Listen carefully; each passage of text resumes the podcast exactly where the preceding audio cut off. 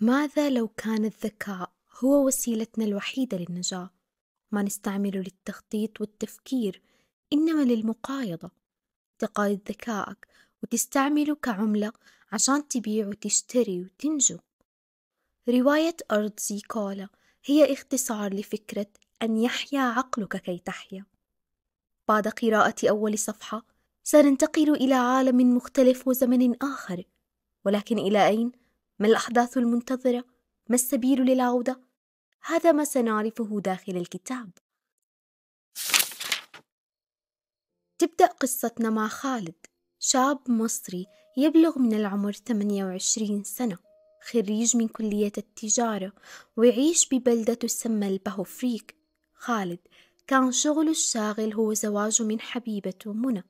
أتقدم لها مرة واثنين وثلاثة وحتى ثماني مرات ورفض المرة تلو الأخرى رغم أنه منى تبادلوا الشعور إلا أنه أبوها كان يرفض بشكل دايم. وعذره إنه كان يبغى المنى شاب مختلف. كان سؤاله الدايم لخالد إنه بإيش تفرق عن غيرك عشان أزوجك بنتي؟ وكان خالد يحبط المرة تلو الأخرى من هذا الرفض لأنه مو عارف كيف ممكن يكون مختلف وبطل وقوي وكفء كفاية للزواج بمنى. أتحول خالد النشيط والمرح والمتفائل مع الوقت لشاب محبط كئيب دائم التفكير وكان جده يحاول يسليه في كل مرة. كان خالد يعيش مع جده منذ وفاة أبويه بحادث وهو صغير فكان بمثابة مكانه الآمن الوحيد اللي يهرب له. في محاولة جده لتسليته هذه المرة قال له إنه لو الحل إنك تكتئب فالأفضل إنك تدفن نفسك في سرداب. عادت هذه الكلمة بذكريات خالد لسنين الطفولة لأيام ما كان يحكي له فيها جده عن سرداب موجود في بلدتهم تحت بيت مهجور. ذاك السرداب المخيف اللي ظل كسر محير لأهالي البلدة وحاول الكثيرين نزوله وكان جده أحد هؤلاء إلا إنهم كانوا يفروا هربا في منتصف الطريق. في رحلة جده للسرداب أيام شبابه هو وبضعة أصدقاء سمعوا عن وجود كنز كبير فيه وعن إنه حقيقته هو إنه كان مخزن للأغنياء أيام الغزوات والحروب. وهذا السرداب ما كان سر إنما كان الكل يعرف عن وجوده إلا إنه ما حد كان عنده الشجاعة الكافية ينزله لأنه مسكون بالجن والعفاريت. وكان في إشاعة إنه اللي ينزله عمره ما رح يطلع منه. اتحمس الجد الشاب وأصحابه ونزلوه فعلا إلا إنه واحد فيهم شاف عفريت فهربوا راجعين للشارع. ومن وقتها ما حدا تجرأ ينزلوا فيهم. لما رجع الجد يحكي لخالد عن ذكريات السرداب كانت هذه القصة بمثابة مواساة نسته رفض أبو حبيبته له للمرة الثامنة هذه الليلة. بل حتى إنه خالد ما نام ليلتها. وفكر إنه لو كان السرداب والكنوز اللي فيه مجرد أسطورة إلا إنه لو نسله وخرج حي يمكن رح يكون هذا الشخص الفريد والمختلف والبطل اللي يبحث عنه أب منى. رغم إنه الفكرة حمسته إلا إنه رجع يقلب الموضوع في راسه والأشباح والعفاريت. لا الكنز أهم. حياتي سيئة كفاية. درست في التجارة واشتغلت في مخزن أدوية وعايش عبء على جدي. أثبت إنك تحب منى. روح للسرداب وطلع الكنز وصير أغنى واحد في مصر كلها. استمر خالد يقلب الفكرة في راسه طول الليل وانتهى بقرار حاسم. أنا رح أنزل السرداب. لو كان أبوك مجنون فأنا الجنون نفسه. في اليوم الثاني كان سؤاله الأول لجده هو إذا كان يقدر يعيش لوحده. فهم جده فورا إنه قرر ينزل السرداب ويتركه. قال له خالد إنه يبغى يثبت لمنى وأبوها إنه بطل إنه مختلف وإنه كمان ممكن يلاقي الكنز اللي في الأسطورة. ما قدر الجد يمنعه خصوصا إنه هو ذاته نزل للسرداب قبل سنوات وإنه عائلتهم تسري في عروقهم حبهم للمجهول للتمرد لاكتشاف حياة جديدة للاختلاف. فيقرر جده يعترف له باعتراف صدمه. ويقول له إنه أنت الآن تحس بنفس الرغبة اللي حس فيها أبوك لما حكيت له عن السرداب. لكنك على الأقل جيت تودعني. أما هو راح فجأة. انصدم خالد إنه أبوه نزل للسرداب لأنه جده ما حكاله قبل كذا عن هذه القصة. لكن الجد كمل وقال له إنه راح للسرداب بمرة مع أمك وكان عمرك وقتها سنتين. كانوا على أساس خارجين مشوار ساعتين. والساعتين صارت أيام والأيام صارت شهور ومن ثم سنين وللآن ما رجعوا. الكل يفكر إنه أمك وأبوك ماتوا بحادث سيارة إلا إنه الحقيقة إنهم نزلوا للسرداب وما طلعوا ما كان الجد يلومهم لأنه هو كمان أيام شبابه نزل للسرداب وكان يحس بفخر طوال حياته إنه خرج منه حي. فبالتالي ما كان يلوم خالد لو هو كمان قرر ينزل للسرداب. لكن لما عرف خالد إنه أمه وأبوه ما عاد طلعوا من سرداب فوريك من بعد ما نزلوا حس بالخوف إنه ممكن يكون مصيره زي مصيرهم. مجرد شخص متحمس ونفسه هذه ممكن توديه للتهلكة. يلتقي خالد بعدها بمنى اللي تعتذر منه على رفض أبوها له للمرة الثامنة إلا إنه يقول لها إنه تعود وإنه المفروض يدخل موسوعة جنس في الرفض. قالت له إنها كانت تظن إنه أبوها يبغى شخص مختلف ومميز إلا إنه في شخص أتقدم لها وأبوها وافق فورا بل وأصر إنها تتجوزه. نزل الخبر كالصاعقة على قلب خالد والحب والسنين اللي عشتها كلها عشان أصير الشخص المثالي بنظر أبوكي والسرداب اللي قررت أرمي نفسي فيه بس عشان أرجع كبطل في عيونه. رغم إنه كان يلوم أبوها وحاقد عليه اللي إنه كان يلوم منى نفسها. ليش ما رفضت؟ ليش استسلمت؟ هل خايفة من العنوسة؟ اللي يألمه إنه رغم كل ذاك الرفض كان لازال عنده أمل إلا إنها لو تجوزت الآن من شخص آخر فما رح يكون في أمل بعدها لأنها رح تصير ملك شخص ثاني. الغضب اختلط بمرارة وبألم وإصرار إنه ينزل السرداب. ما عاد في شي يخسره. حتى لو مات فيه لازم ينزله لأنه فيه. يمكن يلاقي حكاية يفخر فيها وهو يحكيها لأطفاله بكرة عوضا عن حكايات الرفض. ورغم خوفه من إنه ما يرجع أساسا زي أمه وأبوه ويترك جده الكبير في السن يعيش لوحده إلا إنه إحساسه بالهزيمة قدام نفسه كان جدا قوي ما كان رح يتعافى إلا بقصة فخر. زي قصة جده اللي لا زال يفخر فيها لليوم إنه قدر ينزل للسرداب ويخرج منه حي. لما يتأكد جده إنه مصر ينزل للسرداب يجمعه بأحد أصدقائه المسمى بمجنون السرداب وهو الرجل اللي كان أول شخص فكر ينزل للسرداب قبل خمسين سنة مضت واللي عنده معلومات ما حد يعرفها عنه. يحكي له مجنون السرداب إنه لما نزلوا قبل خمسين سنة ما نزلوا السرداب فوريك لكنه ما قال للبقية لأنه كان فخرهم الوحيد هي قصة نزولهم للسرداب. لكن في الواقع اللي نزلوا له كان مجرد نفق وطريق لاسترداب وإنه لما عرف هذه المعلومة أتحمس وكان يبغى ينزل مرة ثانية إلا إنه السنين مرت وكبر في السن ومرض. وصارت أمنيته إنه أحد غيره يكون شجاع كفاية وينزل ويكتشف سر هذا السرداب. خرج مجنون السرداب كتاب قديم وقال لخالد إنه لقيه في مكتبة أبوه قبل سنوات طويلة وإنه هذا الكتاب يتكلم عن سرداب فوريك إلا إنه الصفحات مهترئة وغير مكتملة تشرح عن كيفية الوصول للسرداب. كان الكتاب ينتهي بجملة مقطوعة وهي كنت أظن أن الكنز الحقيقي هو الثروات التي خزنت فيه لكنني اكتشفت ما هو أثمن من ذلك وما هو أعظم من كنوز فوريك. كانت هذه الجملة هي آخر ما كتب في الكتاب وهنا أتحمس خالد إنه يعرف إيش هي الثروات الموجودة فيه. في تعليمات الكتاب كان في نصيحة تقول إنه من يرغب بالنزول للسرداب؟ فالأفضل إنه ينزل يوم اكتمال القمر لأن السرداب يومها ما يكون مظلم بل يكون مضيء بسبب طريقة تصميمه الفريدة من نوعها. وكانت ليلة اكتمال القمر تصادف هذه الليلة بالذات ففي هذه الليلة رح يكون القمر بدر. وفعلا بمجرد ما دقت الساعة الواحدة فجرا وساد الهدوء البلدة. حمل خالد حقيبته ومضى للبيت المهجور حيث يتواجد السرداب. أتجاوز سور المنزل وأزاح صخرة ضخمة من على باب السرداب الحديدي ونزل السلم المؤدي للنفق وسار في ذاك النفق المظلم اللي ينير ضوء هاتفه إلا إنه مهما مشى ومشى أختنق وقل نفسه والأسوأ إنه لا سرداب إطلاقا ولا شيء سوى نفق طويل لا ينتهي. حتى انتبه لباب خشبي. حاول دفعه بكل ما يملك من قوة. أملا أن يكون خلف هذا الباب بعض الأكسجين.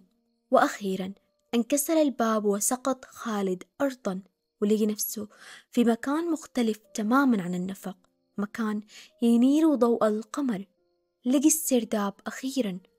إلا أنه مهما مشى في هذا السرداب وبحث فما كان في أي شيء مثير للاهتمام لا كنوز ولا شيء سوى هياكل عظمية خيل له إنها هياكل أبويه إلا إنه كان يتمنى إنه ما يكون أي هيكل فيها ينتمي لأبوه وأمه.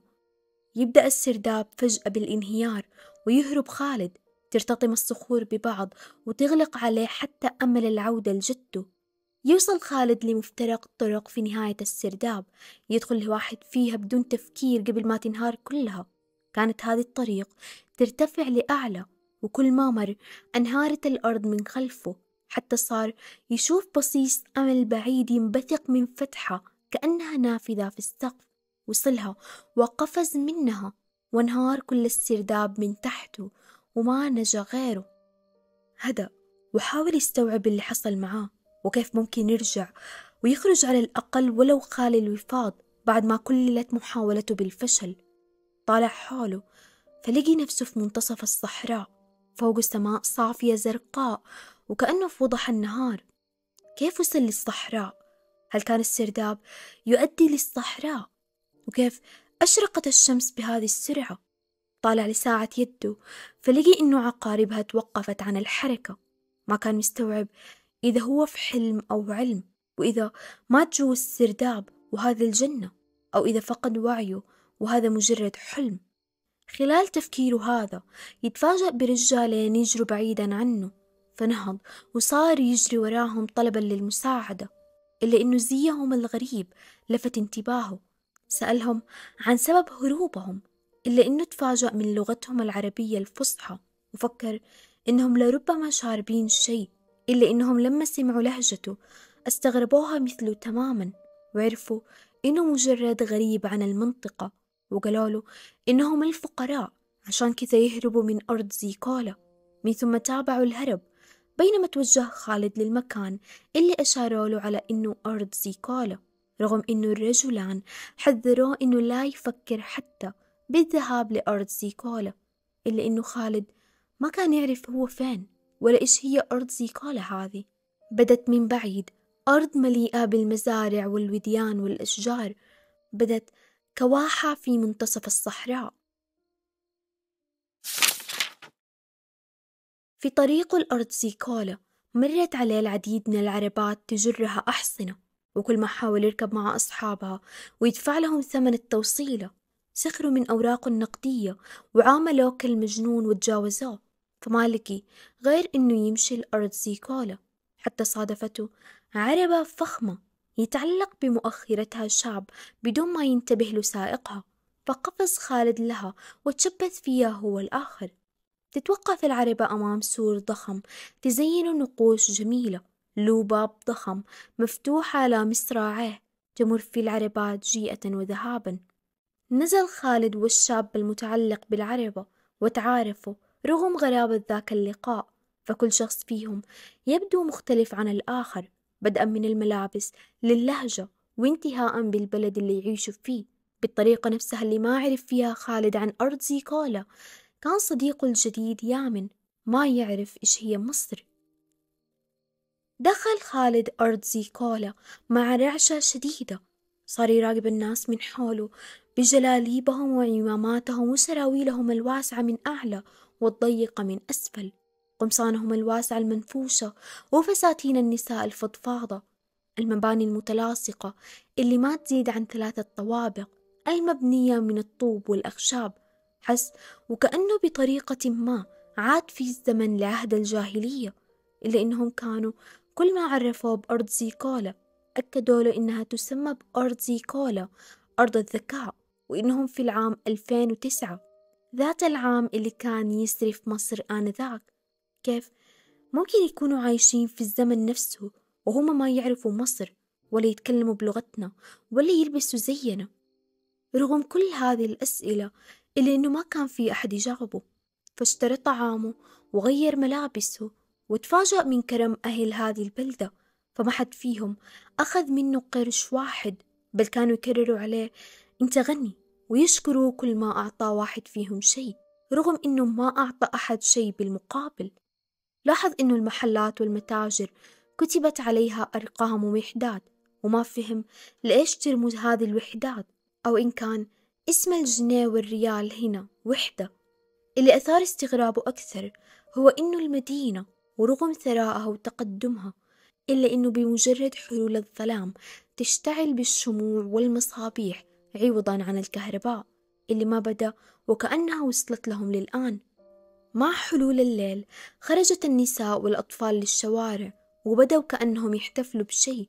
ولما سأل خالد فتى عن سبب الاحتفال جاوبوا الفتى بأن الاحتفال غدا وهذه الليلة هي مجرد استعداد لاحتفال الغد وإن هذا الاحتفال يعتبر أعظم احتفال يقام في أرض زيكولا. وإنه الكثيرين من بلاد بعيدة يحضروه فسألوا خالد بإيش تحتفلوا؟ جاوبوا الفتى نحتفل بيوم الزيكولا يوم الزيكولا هو يوم يسعد فيه جميع أهل زيكولا ما عدا شخص واحد بس ازداد فضول خالد مين هذا الشخص؟ جاوب الفتى اللي عرف من طريقة كلامه إنه مجرد غريب وقال له يوم زيكولا هو اليوم اللي يذبح فيه أفقر شخص بالمدينة. أصابت الصدمة خالد فما في في هذه المدينة كلها من هو أفقر منه فهو غريب وما يملك نقود ولا بيت هنا. لكن الفتى قال له إنه في يوم الزيكولا تقام منافسة بين أفقر ثلاثة أشخاص في المدينة. لكن هذه المرة رح يذبح الشخص بدون منافسة لأنه الفقيران الآخران هربوا. أتذكر خالد الغريبين اللي قابلهم في الصحراء وتساءل إذا كانوا هم نفسهم أفقر الأشخاص في البلدة.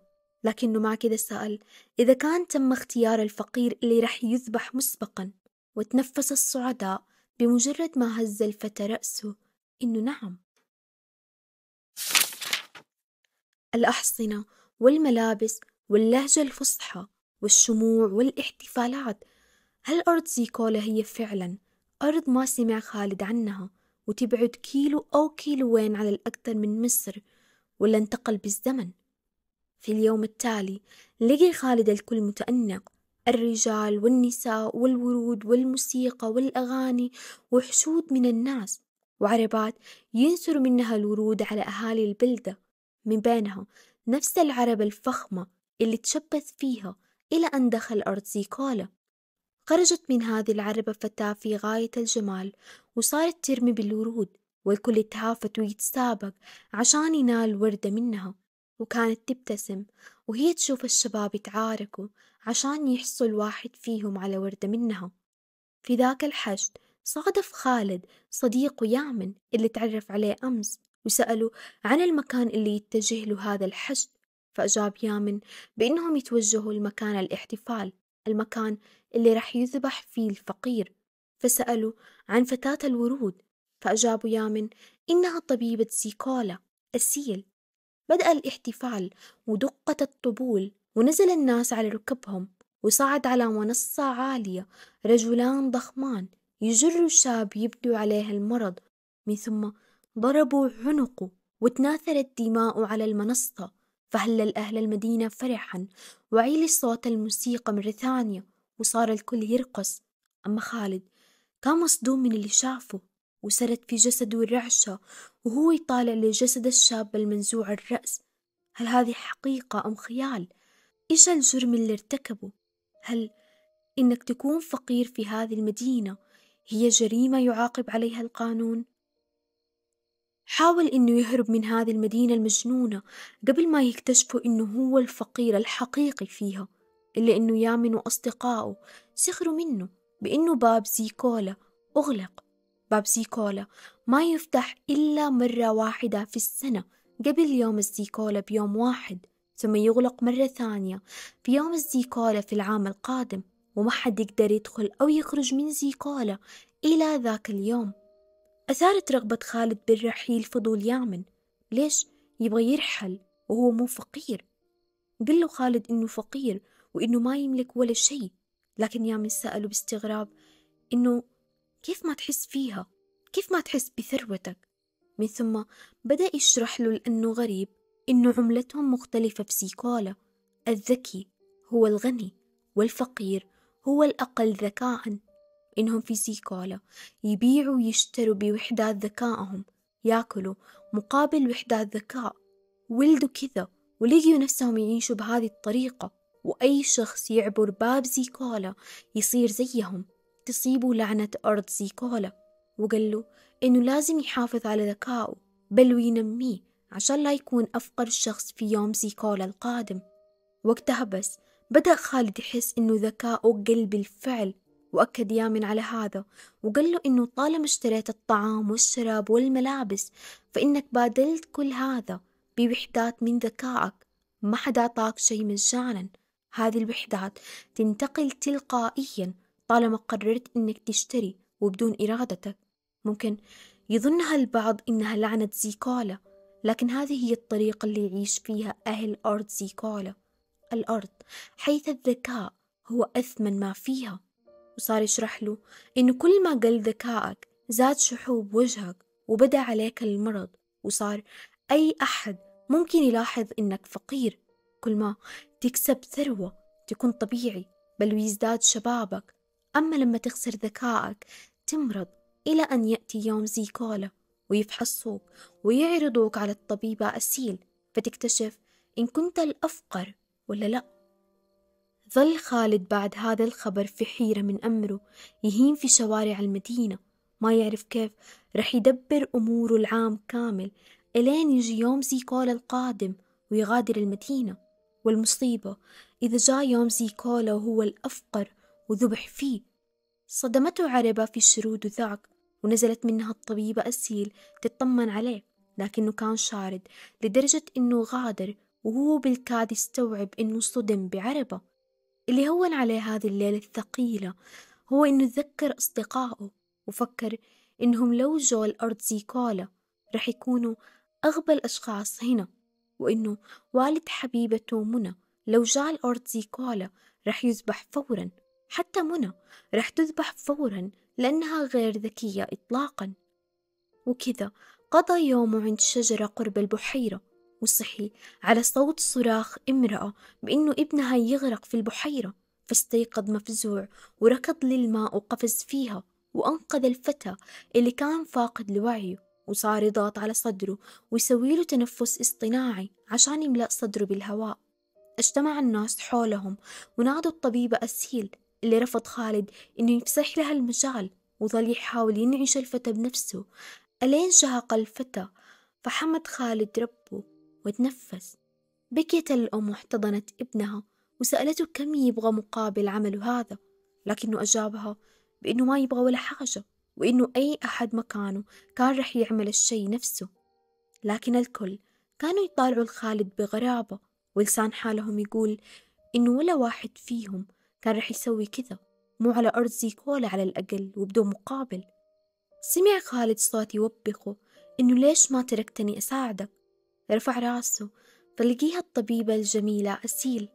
حاول يتماسك نفسه وما يبدي إنه شخص جدا خفيف وقع في الحب من النظرة الأولى.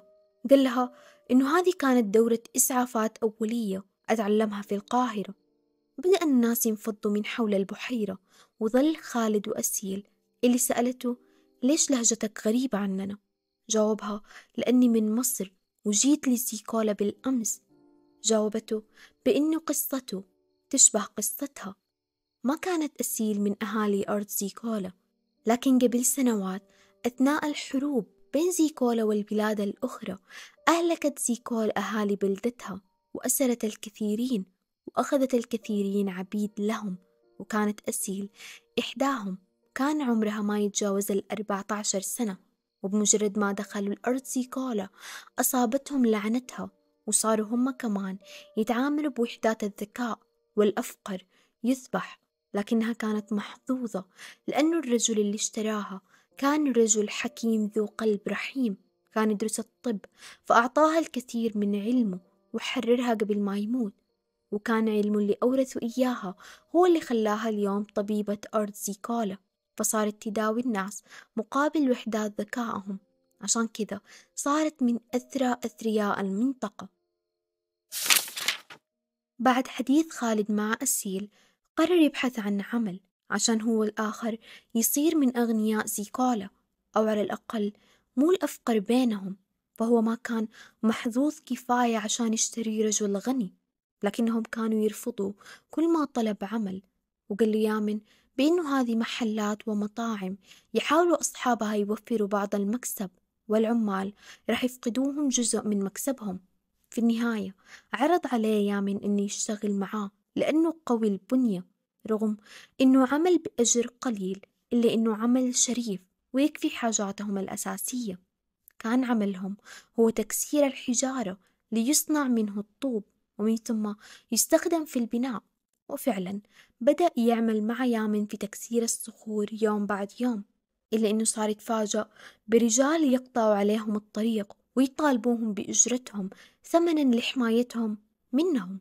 لكن خالد رفض إنه يسرق علنا إلا إنهم انهالوا عليه ضربا. ألين أقنعوا يامن بإنه يدفع لهم عشان ينجوا وإنهم تعودوا على هؤلاء البلطجية منذ زمن وتعايشوا معاهم. وإنه الشرطة ما تعاقبهم لأنه قانون زيكولا ما يجرمهم من الأساس لأنهم يسووا كل ما بوسعهم عشان يظلوا أحياء. دفع خالد وحدتين من ذكائه لهم رغم إنه ما اقتنع وما رضي بل دفعها مجبر خصوصا وإنه بأمس الحاجة للوحدة الواحدة منها فهو ما يحصل في كل يومه مقابل عمله هذا سوى على سبع وحدات تروح منها الآن اثنتان لقطاع الطرق. مرت الأيام وبدأ خالد يبحث عن أقلام وأوراق عشان يكتب معاه اللي يصير معاه هنا في أرض زيكولا. عشان لو رجع يوم لبلده يوريها لجدته أو لأي شخص مهتم بسرداب فوريك وسر وأرض زيكولا أو لربما لأنه بس كان يبغى يكتب عن أسيل اللي ما كانت تفارق باله ولو للحظة طوال أيامه بسيكولا وصل خالد لمكتبة يملكها رجل عجوز وقال له إنه لابد وإنه من أغنى الأغنياء طالما إنه يمتلك مكتبة وإنه بإمكانه يبيع الكتب بسعر غالي. إلا إنه تفاجأ بإنه الكتب رخيصة جدا في أرض زيكولا وما تحقق أي ثروة. ما عدا كتاب واحد سبق وباعه بمبلغ ضخم للغاية. يكاد يكون أغلى سعر شهدته أرض زيكولا يدفع على كتاب. كان كتاب غريب خيالي يتكلم عن سرداب فوريك. ما إن نطق العجوز كلمة سرداب فوريك حتى اندفع الدم في عروق خالد. سرداب فوريك؟ متى؟ هل الكتاب كان مكتمل؟ هل في نسخة ثانية منه؟ لكن العجوز أجاب تساؤلات خالد بأنه هذا الكتاب أنباع من زمن طويل وإنه ما في منه أي نسخة ثانية وإنه ما يعرف حتى الرجل اللي اشتراه لكنه كان طويل زيه ذو أكتاف عريضة زيه ولهجته غريبة زيه حس خالد بقشعريرة بجسده فأولا الكتاب والآن الرجل اللي اشتراه هل ممكن يكون أبوه؟ كيف ممكن يلاقيه؟ هل عرف طريقة يخرج منها من أرض زيكولا؟ وإذا عرف فليش ما رجع للبيت بعد كل هذه السنوات؟ هل ممكن يكون شخص عادي؟ شخص ثاني نزل للسرداب غير أمه وأبوه؟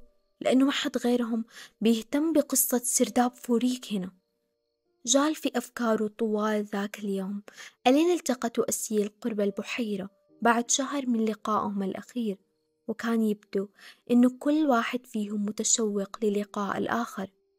سألته أسيل عن قصته فصار يحكي لها عن اللي حصل معاه وعن الكتاب والسرداب وعن مصر أم الدنيا وإنه ما عندهم في عالمهم شيء اسمه أرض زيكولا وما يتكلموا باللغة الفصحى وإنه عندهم تطور وكهرباء وعملات مختلفة وكان كل ما يحكي لها عن شيء تعجب فيه أكثر وأكثر بل إنه إعجابها يصير أكثر عمق خصوصا وإنه خالد كان معسول اللسان معاها حتى إنه لقي نجمة في السماء أسماها على اسمها النجم أسيل.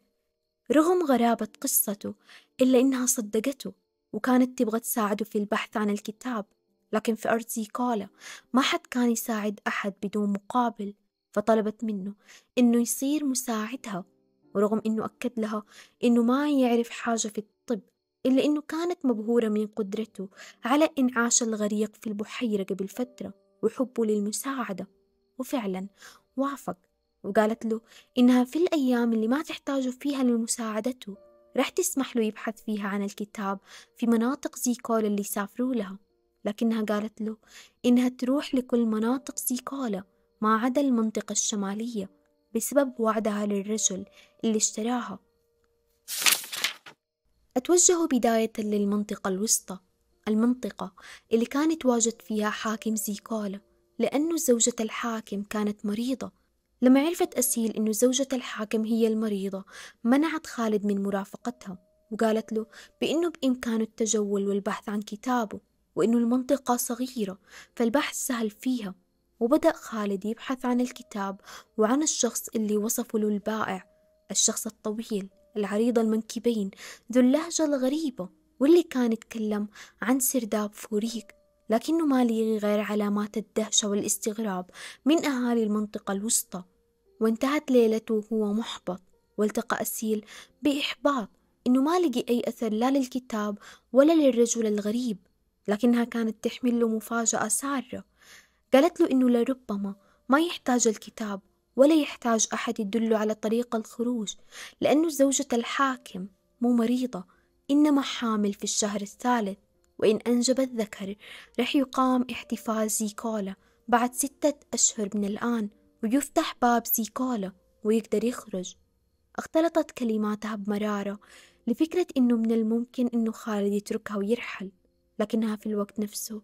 كانت تتمنى إنه يكون سعيد وبس مع إنها كانت تتمنى. لو تنجب زوجة الحاكم أنثى وما يقام احتفال زيكولا إلا في موعده المحدد بعد تسعة أشهر. لكن خالد قال لها إنه متأكد إنه زوجة الحاكم رح تنجب ولد لأنه أسيل هي تميمة حظه وإنها أحلى حاجة حصلت له في سيكولا. كان شعور أسيل ازداد تجاه خالد مع كل كلمة ونظرة منه. وكانت خايفة إنها ما تتحمل فكرة فراقه بعد ستة أشهر وإنها ما سبق وحست بهذه الأحاسيس تجاه أحد. على الأقل مو أحد من زيكولا فالناس في زيكولا بخلاء بلهاء ما يفكروا إلا بجمع الثروة تفديهم من الذبح ولا يستعملوا ذكاءهم خوفا من إنهم يفقدوه. لكن خالد مختلف خالد هو أحلى حاجة حصلت في حياتها للآن. رغم إنه وجود أسيل أنسى خالد حبيبته منى لكن كل اللي كان يشغل باله هو الكتاب. فكرة إنه يجي يوم الزيكولا ويخرج من أرض زيكولا بدون ما يعرف فين يروح وكيف يرجع لبلده كان لازم يلاقي الكتاب لعله فيه شي يفيده ويدله على سرداب فوريك. مرت الأيام واضطرت أسيل تنتقل للمنطقة الجنوبية لعلاج بعض المرضى فيها وأخذت معاها مساعدها خالد. كانت المنطقة الجنوبية مختلفة عن المنطقة الوسطى فالمباني فيها صغيرة تتكون من طابق واحد بس والشوارع تعج بالحمير. كانت عبارة عن منطقة زراعية يشتغل أهلها الإمداد باقي مناطق زيكولا بالقمح والأرز. بدأت الطبيبة أسيل تداوي المرضى وتعطيهم العلاجات المناسبة لحالاتهم وأوكلت لخالد مهمة تغيير الضمادات عن المصابين والكبار في السن. لكن في وقت ما دخلت سيدة حافية القدمين تصرخ في أحد البيوت تنادي على الطبيبة أسيل وما كان في غير خالد مساعدها. فراح مع السيدة اللي كانت تتوسله وتقول له إن ابنها محموم وراح يموت في أي لحظة. حاول خالد يبذل ما بوسعه لإنقاذ الفتى اللي على الأغلب أصابته ضربة شمس وحاول يغمر بماء بارد ويهويه. إلى أن وصلت الطبيبة أسيل فلقيت إنه الفتى نزلت حرارته وهدأ وكالعادة. رفض خالد ياخذ أي أجر على خدمته الإنسانية. ومع كل فعل يزداد إعجاب أسيل فيه. ومع كل نظرة من أسيل يذوب خالد في تفاصيلها.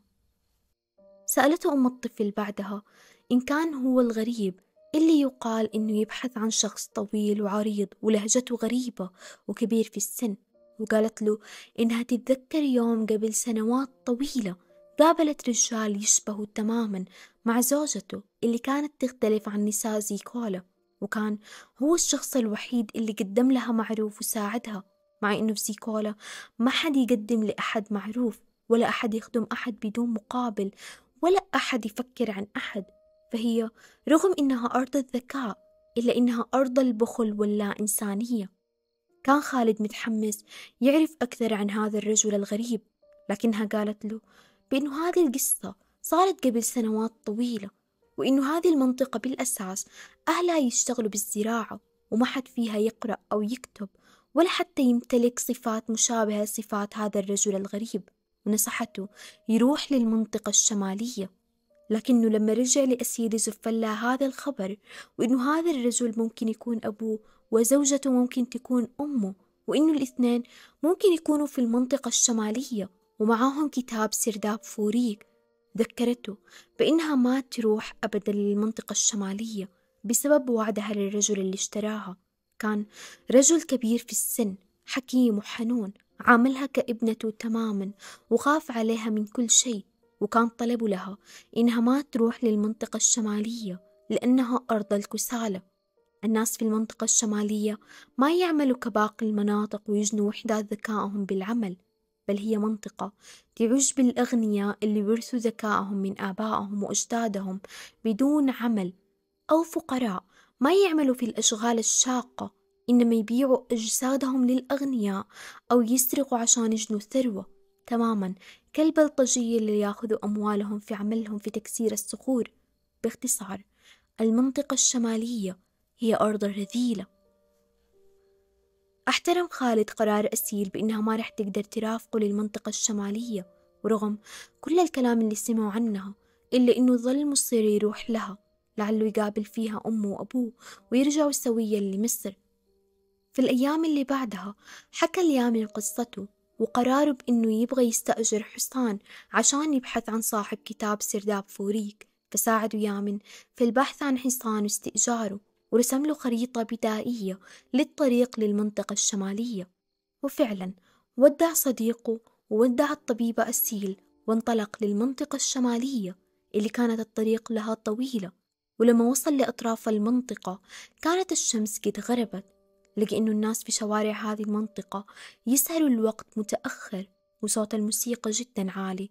الناس في هذه المنطقة يتراقصوا ويشربوا الخمر النساء فيها شبه عاريات والرجال سكارى ورهانات وقمار. وكان كل ما قابل شخص سألوا عن كتاب سرداب فوريك وعن شخص يشبهه ولهجته غريبة زيه. لكن الكل كان يتجاهله سوى فتيات الليل اللي يرموا بأجسادهم عليه لعله يقضي مع إحداهم ليلة. حتى جرته فتاة بالغصب لمكان بإضاءة خافتة وعرضت عليه إنه يقضي معاها الليلة بدون مقابل. لكن خالد دفها بغضب وصار يوبخها. كيف تعيش حياتها بهذه الطريقة وتبيع نفسها بالرخيص؟ لكنها استقبلت عصبيته بسخرية وسألته كيف أعيش في زيكولا كيف أحصل على الذكاء والثروة؟ لكنه لما شافها تسخر من كل كلامه عن العمل الشريف قال لها إنها عار على أرض زيكولا فزعلتها هذه الكلمة وقالت له إنها على الأقل أفضل حال من شخص قتل أبوه عشان يورثه. وفي النهاية ما كان ورثه منه غير كتاب تافه. كانت الفتاة مخمورة حتى إنها بعد كلماتها هذه فقدت وعيها. لكن خالد أتجمد في مكانه بمجرد ما سمع كلمة كتاب وصار يحاول يصحيها ويعرف منها قصة هذا الكتاب وإذا كان هو الكتاب اللي يبحث عنه. حاول يصحيها بكل الطرق ألين رش عليها موية باردة فصحيت وصار يسألها عن مين هو صاحب هذا الكتاب وفين ممكن يلاقيه. لكنها طلبت منه عشرين وحدة من ذكائه مقابل إنها تقوله فوافق. وبالفعل رافقته لشارع بعيد ويقفوا أمام بيت متواضع. وقالت له هذا هو بيت الرجل اللي قتل أبوه.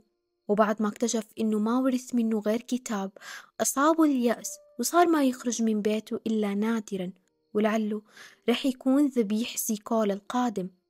دق خالد الباب ففتح له الشخص ما هو إلا نسخة طبق الأصل عنه حتى صوته يشبهه كان خالد خايف إنه يكون كل اللي يفكر فيه حقيقة.